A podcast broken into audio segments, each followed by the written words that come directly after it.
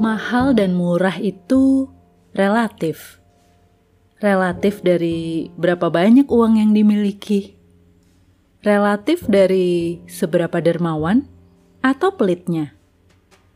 Relatif dari cara pandang atau menghargai tidaknya terhadap sesuatu. Ketika hati seseorang bersih, angka dan harga bukan segalanya.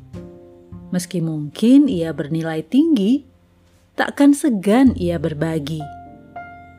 Hidup bukan sekadar saya dan apa untungnya buat saya, tapi hidup yang bermakna, yang terkadang diperlukan pengorbanan untuk membagikannya.